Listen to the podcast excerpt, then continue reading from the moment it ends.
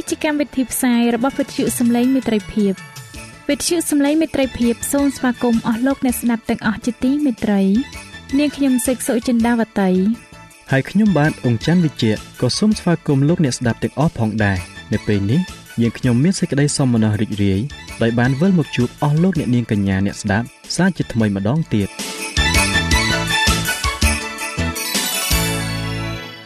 នាងខ្ញុំសេកសុចិន្តាវតី សូមជម្រាបជូនកម្មវិធីផ្សាយដែលមានជាបន្តបន្ទាប់ដូចតទៅនេតិជួបជាមួយព្រះបន្ទូលនេតិស្ពានជីវិត ចា៎លោកអ្នកស្ដាប់ជាទីមេត្រី នាងខ្ញុំសូមគោរពអញ្ជើញអស់លោកលោកស្រី អ្នកនាងកញ្ញាតាមដានស្ដាប់កម្មវិធីផ្សាយរបស់វិទ្យុយើងខ្ញុំដូចតទៅ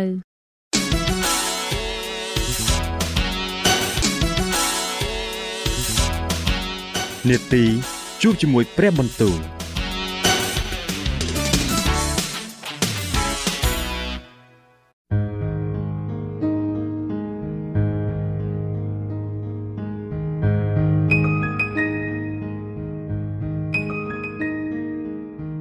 ចា៎អស់លោកអ្នកស្ដាប់ជាទីមេត្រី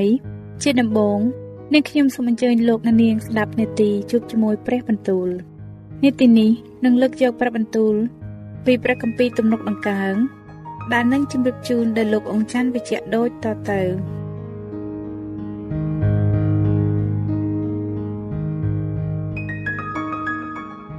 ព្រះគម្ពីរទំនុកដំកើងចំពុកទី61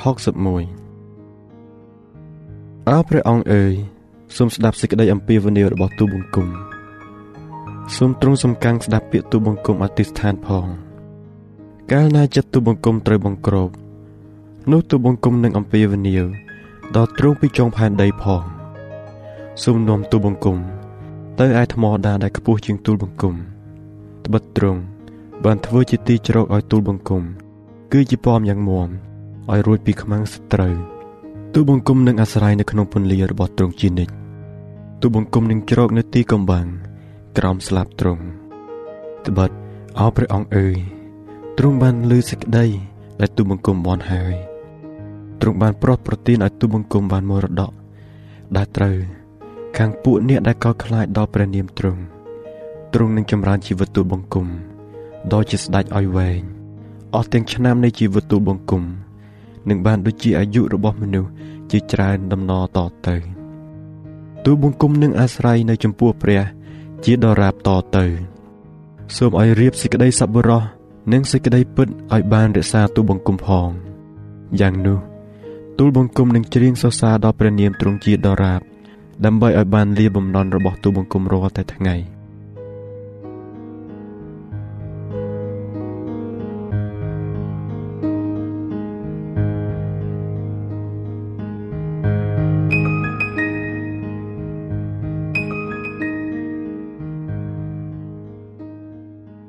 ព្រះគម្ពីរទំនុកដំកើងចំពុកទី62 ព្រលឹងខ្ញុំ រងចាំព្រះអង្គតែមួយ ដោយស្ងៀមស្ងាត់សេចក្តីសង្គ្រោះរបស់ខ្ញុំក៏មកតែពីទ្រង់ដែរគឺទ្រង់តែមួយព្រះអង្គដែលជាថ្មដែរហើយជាសេចក្តីសង្គ្រោះនៃខ្ញុំក៏ជាពំយ៉ាងខ្ពស់របស់ខ្ញុំខ្ញុំមិនត្រូវរង្គើជាខ្លាំងឡើយតើអ្នករាល់គ្នានឹងសង្ខុញចូលទៅលើមនុស្សទាំងចង់សម្លាប់គេដល់កាលណាទៀតប្រៀបដូចជាកំផែងដែលត្រេត ដូចជារបងដែលចង់រលំហើយ គេប្រឹក្សាគ្នា ដើម្បីតែនឹងទម្លាក់អ្នកនោះចោះពីយោះរបស់ខ្លួន គេចូលចិត្តនឹងសេចក្តីភូតភរមាត់គេឲ្យពរតែនៅក្នុងចិត្តគេប្រតិចផ្ដាសាវិញព្រលឹងខ្ញុំអើយចូលនៅស្ងៀមចាំតែព្រះចោះត្បិតសេចក្តីសង្ឃឹមរបស់ខ្ញុំ នោះមកតែពីទ្រង់ទេ គឺទ្រង់តែមួយព្រះអង្គដែលជាថ្មដែរ ហើយជាសេចក្តីសង្គ្រោះនៃខ្ញុំក៏ជាពំយ៉ាងខ្ពស់របស់ខ្ញុំខ្ញុំមិនត្រូវរង្គើឡើយសេចក្តីសង្គ្រោះនិងសិរីល្អរបស់ខ្ញុំនោះនៅនឹងព្រះឯថ្មដាននៃកម្លាំងខ្ញុំនិងទីពឹងជ្រករបស់ខ្ញុំក៏នៅក្នុងព្រះដែរជនទាំងឡាយអើយជុលទុកចិត្តនឹងទ្រង់ជានិច្ចជួនអ្នករកគ្នាប្លង់ចិត្តនៅចំពោះទ្រង់ព្រះទ្រង់ជាទីពឹងជ្រកសម្រាប់យើងខ្ញុំ ប្រកបមែនមនុស្សធម្មតាជាអាសាឥតការហើយមនុស្សមុំទាំជាសេចក្តីបោកប្រាស់បាននឹងថ្លឹងគេនៅជញ្ជីងនោះទាំងអស់រួមគ្នាស្រាលជាងខ្យល់ដង្ហើមទៅទៀតកុំឲ្យទុកចិត្តនឹងសេចក្តីសង្កត់សង្កិនឡើយក៏កុំឲ្យអួតខ្លួនក្នុងការលួចប្លន់ដែរបើកាលណាមានទ្រព្យសម្បត្តិចម្រើនឡើងនោះកុំឲ្យទុកចិត្តនឹងរបស់ទាំងនោះឲ្យសោះព្រះទ្រង់បានមានបន្ទូលម្ដងហើយខ្ញុំបានលើសេចក្តីទាំងនេះពីរដងផង គឺថារទ្ធានុភាពសម្រេចនៅលើព្រះអោព្រះអង្គម្ចាស់អើយសេចក្តីសប្បុរសក៏ជារបស់ផងទ្រង់ដែរត្បិតទ្រង់សងដល់គ្រប់មនុស្សទាំងអស់តាមការប្រព្រឹត្តរបស់គេ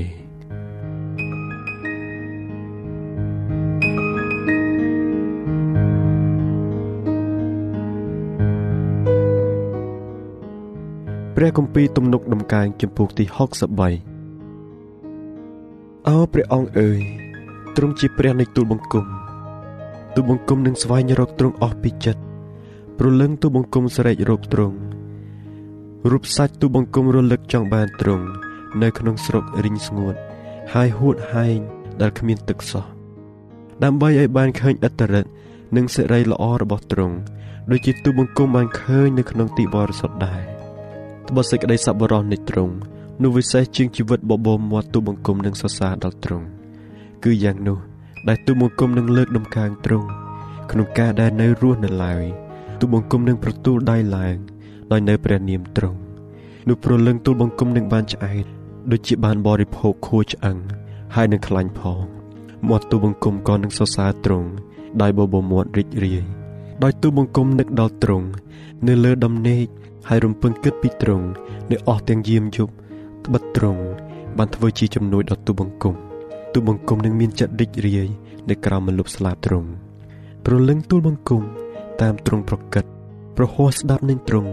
ក៏ទប់ទល់ទូបង្គំតែអស់អ្នកដែលរកបំផ្លាញប្រលឹងនៃទូបង្គំនោះនឹងចោះទៅក្នុងជំរឿនៃផែនដីគេនឹងត្រូវប្រគល់ទៅក្នុងអំណាចដែរគេនឹងបានជាអាហារដល់ឆ្កែព្រៃតែទូបង្គំជាក្សត្រនឹងរីករាយក្នុងព្រះវិញ អស់អ្នកណាដែលស្បត់ដោយនៅទ្រង់នោះនឹងបានសរសើរដោយអសាទរពីព្រោះមាត់នៃពួកមនុស្សកំពូតនឹងត្រូវបិទ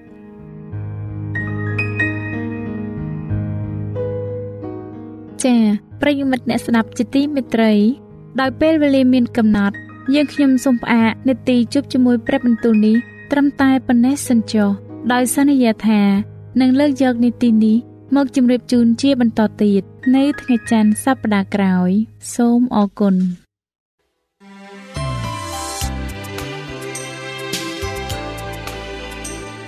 វិទ្យុសំឡេងមេត្រីភាព AWR ជាវិទ្យុដែលនាំមកពីក្នុងការនាំព្រះរាជសាររបស់ព្រះជាម្ចាស់សម្រាប់លោកអ្នក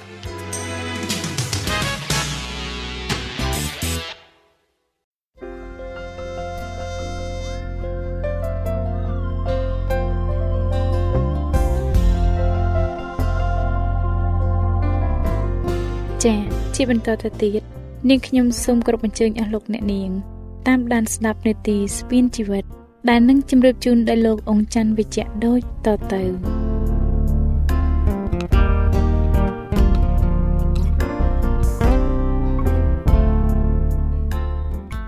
ខ្ញុំបាទសូមជម្រាបសួរអស់លោកអ្នកស្ដាប់ជាទីមេត្រីសូមឲ្យលោកអ្នកបានប្រកបដោយព្រះគុណនិងសេចក្តីសុខសាន្តអំពីព្រះដ៏ជាព្រះវរបិតានៃយើង ហើយអំពីព្រះអង្គម្ចាស់យេស៊ូវគ្រីស្ទខ្ញុំបាទមានអំណរណាស់ដែលវិលមកជួបលោកអ្នកក្នុងនីតិស្ពានជីវិតនេះសាជាថ្មីម្ដងទៀតហើយនៅថ្ងៃនេះខ្ញុំបាទសូមលើកយកមេរៀនទី15ដដែលតែភាគទី3ជាភាគបញ្ចប់ដែលនិយាយពីក្រុមជំនុំជារាងកាយរបស់ព្រះគ្រីស្ទកាលពីភាគទី2ខ្ញុំបាទបានជម្រាបជូនលោកអ្នកពីការរួបរวมរបស់ក្រុមជំនុំរួចមកហើយហើយពេលនេះ ខ្ញុំបាទនឹងជម្រាបជូនលោកអ្នកជាបន្តទៅទៀតពីក្រុមជំនុំជារាងកាយរបស់ព្រះគ្រីស្ទនេះដូច្នេះខ្ញុំបាទសូមគោរពអញ្ជើញលោកអ្នក តាមដានស្ដាប់មេរៀនទី15ភាគទី3ដែលជាភាគបញ្ចប់នេះជាមួយខ្ញុំបាទដូចតទៅ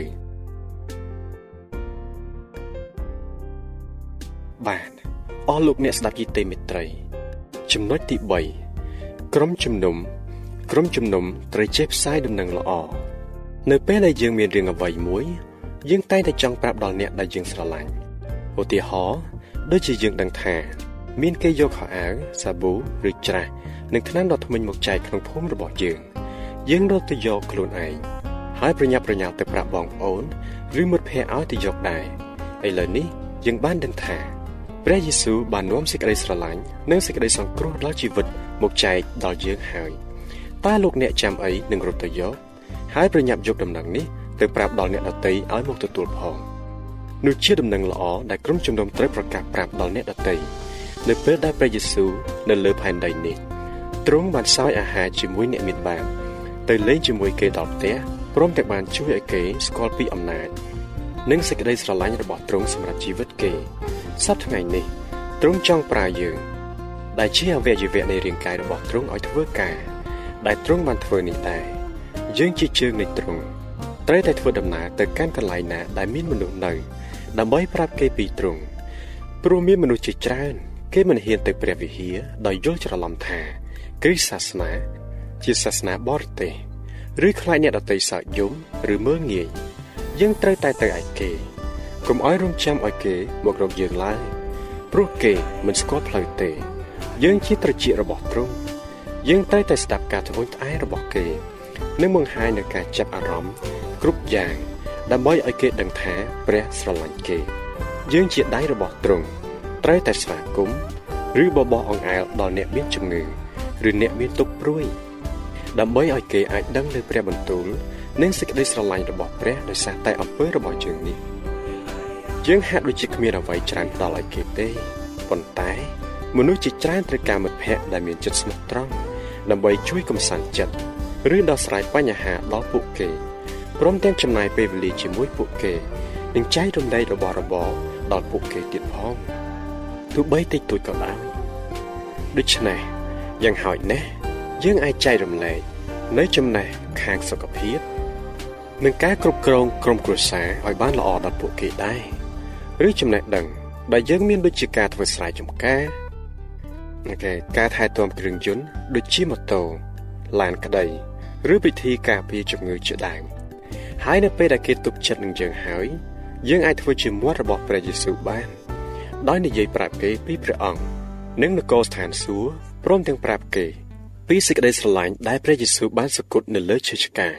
រួចអញ្ជើញគេឲ្យបានទទួលសេចក្តីសង្គ្រោះរបស់ទ្រង់ដូចយើងផង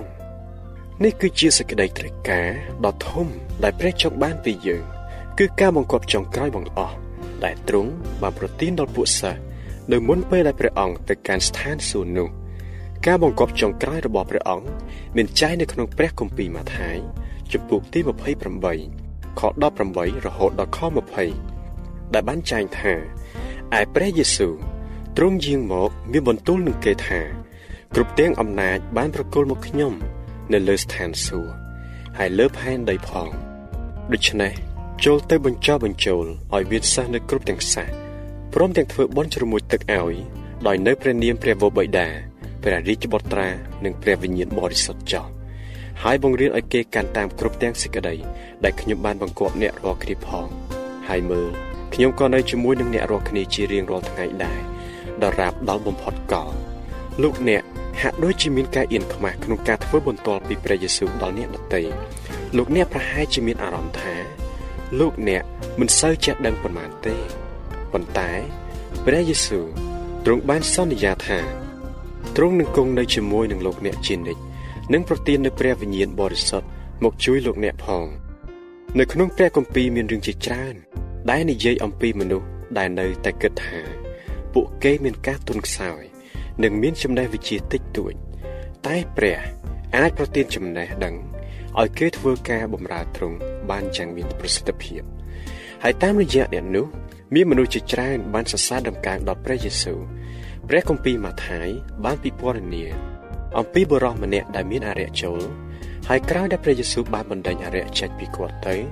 គាត់ក៏សុំព្រះយេស៊ូវទៅតាមដែរប៉ុន្តែព្រះយេស៊ូវមានបន្ទូលទៅគាត់ថាជុលវិលទៅឯផ្ទះអ្នកទៅហើយប្រាប់ពីគ្រប់ទាំងការដែលព្រះបានប្រោះអ្នកដេញដែលព្រះបានប្រោះដល់អ្នកវិញគាត់ក៏ទៅ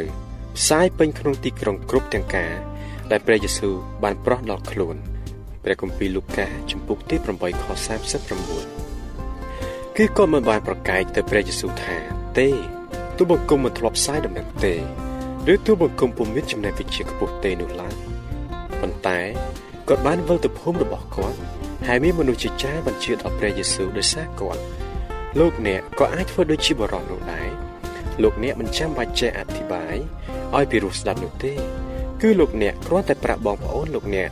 មិត្តភ័ក្តិឬអ្នកជិតខាងរបស់លោកអ្នកអំពីការដែលព្រះយេស៊ូវបានជួយនិងការកែប្រែចិត្តរបស់លោកអ្នកឬចែកចាយដល់គេនៅមេរៀនអំពីព្រះយេស៊ូវដែលលោកអ្នកបានរៀនឬមួយក៏គ្រាន់តែសរសេរនៃសេចក្តីសន្យារបស់ព្រះពីព្រះគម្ពីរលើក្រដាសចែកដល់អ្នកដទៃប៉ុណ្ណោះក៏ឈ្មោះថាបំរើទ្រង់ដែរសូមលោកអ្នកកុំមានការស្រជត់ចិត្តឡើយនៅពេលដែលគេមិនស្ដាប់អ្នក ឬមិនជឿព្រះយេស៊ូវនោះវាជាការគួរឲ្យសោកស្ដាយណាស់តែធ្វើដូចម្ដេចទៅបើនោះជាសិទ្ធិនៃជំនឿរបស់គេប៉ុន្តែសូមលោកអ្នកកុំបោះបង់ការងារផ្សាយដំណឹងល្អដ៏សំខាន់នេះឡើងព្រោះលោកអ្នកជាអវយវៈរបស់ព្រះហើយសូមលោកអ្នកអធិស្ឋានឲ្យអ្នកទាំងនោះហើយរកឱកាសនឹងទៅនិយាយប្រាប់គេសារជាថ្មីប៉ុន្តែសំលោកអ្នកជ្រាបថាមុននឹងគេរៀនពីលោកអ្នក គេត្រូវការឃើញការផ្លាស់ប្ដូរក្នុងជីវិតលោកអ្នកជាមុនសិនមានបរិជនជាតិអាមេរិកកាំងម្នាក់ឈ្មោះ Salomon Kibert ដែលបានចូលចិត្តក្នុងការផ្សាយដំណឹងល្អពីព្រះយេស៊ូវទៅប្រាប់មនុស្សនៅភូមិមួយ គេមិនចង់ស្ដាប់ដំណឹងរបស់គាត់ឡើយព្រោះពួកគេគោរពប្រពៃណីរបស់គេយ៉ាងតឹងរ៉ឹងជាពិសេសគោរពវិញ្ញាណអារក្សពួកគេស្អប់គាត់វាគាត់រហូតថ្ងៃមួយ គេបានជួលមនុស្សឲ្យចាំសម្រាប់គាត់នៅតាមផ្លូវ ពាក់កណ្ដាលអាត្រិតនៃយប់មួយឃាតករស៊ីឈ្នួលម្នាក់ក៏បានចូលទៅផ្ទះរបស់លោកសាឡូមោនប្រដាប់ដោយកំភ្លើងមួយដើមផងលោកសាឡូមោនគិតថាបុរសនោះមកសម្លាប់គាត់ហើយ តែគាត់ឥតមានការតបស្លុតឡើយព្រោះគាត់ទុកចិត្តលើព្រះយេស៊ូវគាត់អធិស្ឋានទៅព្រះដោយពាក្យយ៉ាងស្រទន់ឲ្យបុរសនោះឮលោកសាឡូមោនធ្លាប់បាននិយាយអំពីសេចក្តីស្រឡាញ់របស់ព្រះយេស៊ូវប្រាប់គាត់ដែរគិតកោមកជួបសាឡូមោនទាំងកណ្ដាលយប់បាយជាបដូរចិត្ត ពីចង់សម្លាប់សាឡូមោនមកថ្វាយចិត្តរបស់គាត់ទៅព្រះយេស៊ូវទៅវិញគាត់ក៏បានសម្រេចចិត្តចូលធ្វើអំពើបាបសម្រាប់មនុស្សតទៅទៀតហើយដើរតាមព្រះយេស៊ូវជាមួយសាឡូមោនដោយបានបដូរពីកំភ្លើងរបស់គាត់ដែលបានផ្ដាច់ជីវិតមនុស្សអស់66នាក់ជាមួយនឹងព្រះគម្ពីរមួយក្បាលវិញព្រះប្រហែលជាមិនបានបញ្ជូនលោកអ្នកឲ្យទៅផ្លាស់ប្ដូរជីវិតឃាតករដោយលោកសាឡូមោនទេ តែមានមនុស្សជាច្រើនទៀត ដែលលោកអ្នកត្រូវទៅឯគេ ដែលនៅជុំវិញលោកអ្នកដែលកំពុងត្រូវការសេចក្តីសង្គ្រោះហេតុនេះសូមយើងចាប់ចង្វាអុំឲ្យស្រស់គ្នាឡើងកុំឲ្យអ្នកណានៅស្ងៀមឬយកជើងរៀតទឹកឡើយព្រោះសេចក្តីស្រោចស្រង់មនុស្សដែលលិចលង់បាននោះតលតែយើងទាំងអស់គ្នាជាក្រុមជំនុំធ្វើការឲ្យស្រស់គ្នាជាអវយវៈផងព្រះគ្រីស្ទសូមលោកអ្នកសញ្ជឹងគិតមើលបើមានមនុស្សម្នាក់លងទឹកហើយលោកអ្នកត្រូវចង់ទៅជួយសង្គ្រោះ តែបើលោកអ្នកខឹងនឹងជើងហើយលែងប្រឹងហែលនោះ អ្នកលងទឹកក៏ត្រូវស្លាប់ទាំងលោកអ្នកផ្ទាល់ក៏ត្រូវស្លាប់ដែរតើមានអវយវៈណាមួយដែលលោកអ្នកមិនពេញចិត្តដែរឬទេខ្ញុំសូមលើកទឹកចិត្តឲ្យលោកអ្នកស្រឡាញ់ក្រុមជំនុំឲ្យដូចជាអវយវៈរបស់លោកអ្នកដើម្បីបម្រើព្រះគ្រីស្ទដែរបាទអស់លោកអ្នកស្ដាប់ជាទីមេត្រីមុននឹងបញ្ចប់មេរៀននេះខ្ញុំបាទសូមជូននៅសំណួរខ្លះសម្រាប់លោកអ្នកដើម្បីធ្វើការពិចារណា តើគ្រីស្ទៀនជួបជុំគ្នាដើម្បីធ្វើអ្វីខ្លះតើអ្វីជាព្រះវិហារដ៏ល្អរបស់ព្រះ ក្រោយពីព្រះយេស៊ូវយាងទៅកាន់ស្ថានសួគ៌វិញតើពួកសិស្សទ្រង់ធ្វើអ្វីខ្លះប្រសិនបើក្រុមជំនុំណាម្នាក់ធ្វើឲ្យលោកអ្នកមិនសប្បាយចិត្តដោយប្រព្រឹត្តខុសទៅលើលោកអ្នកតើលោកអ្នកធ្វើយ៉ាងណាដែរតើក្រុមជំនុំមានទួនាទីធ្វើអ្វីខ្លះបាទអស់លោកអ្នកស្ដាប់ជីទេមេត្រី មេរៀនស្ពានជីវិតចំពោះទី15ដែលនិយាយពីការដាក់ដង្វាយថ្វាយព្រះនៅពេលនេះក៏សន្មតថាចប់ដោយបរិបូរហើយដែរហើយខ្ញុំបាទនឹងវិលមកជួបលោកអ្នកម្ដងទៀតនៅក្នុងនេតិរបស់យើងលើកក្រោយដោយនឹងនាំនៅចំពោះទី16មកជួយលោកអ្នកជាបន្តទៀតបាទដូច្នេះសូមឲ្យព្រះជាម្ចាស់ប្រទានពរដល់អស់លោកអ្នកបងប្អូនទាំងអស់គ្នា សម្រាប់ពេលនេះខ្ញុំបាទសូមអរគុណនិងសូមជម្រាបលា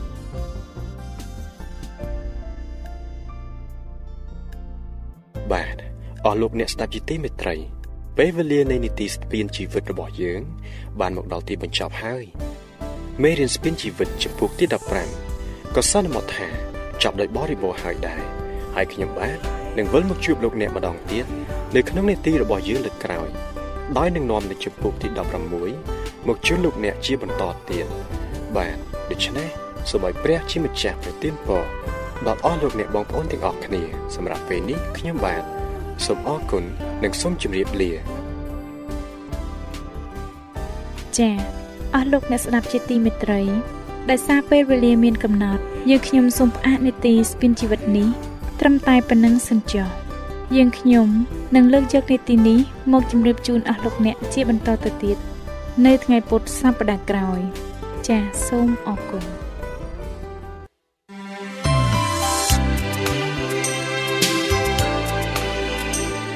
វិទ្យុសំឡេងមេត្រីភាព AWR មានផ្សាយពីរដងក្នុងមួយថ្ងៃគឺព្រឹកនៅម៉ោង6និងពេលយប់នៅម៉ោង8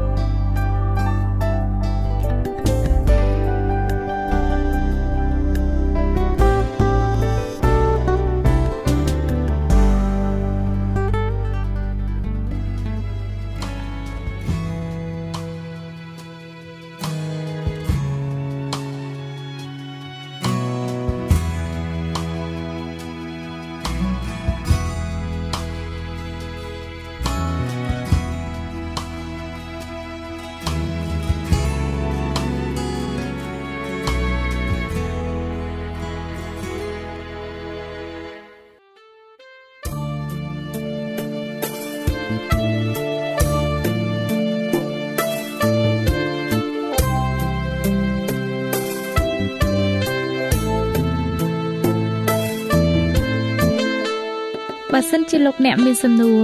ឬសំណុំពរអ្វីសូមតាក់ទងមកការិយាល័យវិទ្យុយើងខ្ញុំ តាមអាស័យដ្ឋានផ្ទះលេខ15ផ្លូវលេខ568សង្កាត់បឹងកក់2ខណ្ឌទួលគោករាជធានីភ្នំពេញលោកអ្នកក៏អាចសរសេរសម្បត្តិផ្ញើមកយើងខ្ញុំ តាមរយៈប្រអប់សម្បត្តិលេខ488ភ្នំពេញឬតាមទូរស័ព្ទលេខ012 34 96 64ឬ097 80 81 060ឬក៏តាមរយៈអ៊ីមែល vol@awr.org យើងខ្ញុំរងចាំទទួលស្វាគមន៍អស់លោកអ្នកនាងដោយក្តីសោមនស្សរីករាយ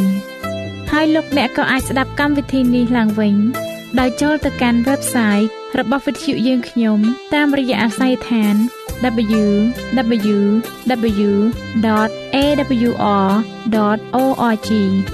លោកអ្នកនាងកញ្ញាជាទីមេត្រី កម្មវិធីផ្សាយរបស់វិទ្យុសំឡេងមេត្រីភាពនៅពេលនេះសូមបញ្ចប់តែប៉ុណ្ណេះយើងខ្ញុំសូមអរគុណចំពោះការតាមដានស្ដាប់របស់អស់លោកអ្នកតាំងពីដើមរហូតដល់ចប់យើងខ្ញុំសូមជូនពរឲ្យអស់លោកអ្នកនាងកញ្ញាទាំងអស់បានចម្រើនឡើងក្នុងព្រះគុណព្រះអង្គម្ចាស់ ហើយក្នុងការទទួលយកព្រះយេស៊ូវគ្រីស្ទជាព្រះអង្គម្ចាស់និងជាព្រះអង្គសង្គ្រោះនៃយើងរាល់គ្នានាទីផ្សាយរបស់វិទ្យុយើងខ្ញុំនឹងវិលមកជួបអស់លោកអ្នកសាជាថ្មីម្ដងទៀតនៅថ្ងៃស្អែកវេលាម៉ោងដដែលនាងខ្ញុំសេកសុចិន្តាវតីនិងខ្ញុំបាទអ៊ំច័ន្ទវិជ្ជៈសូមអរគុណសូមជម្រាបលា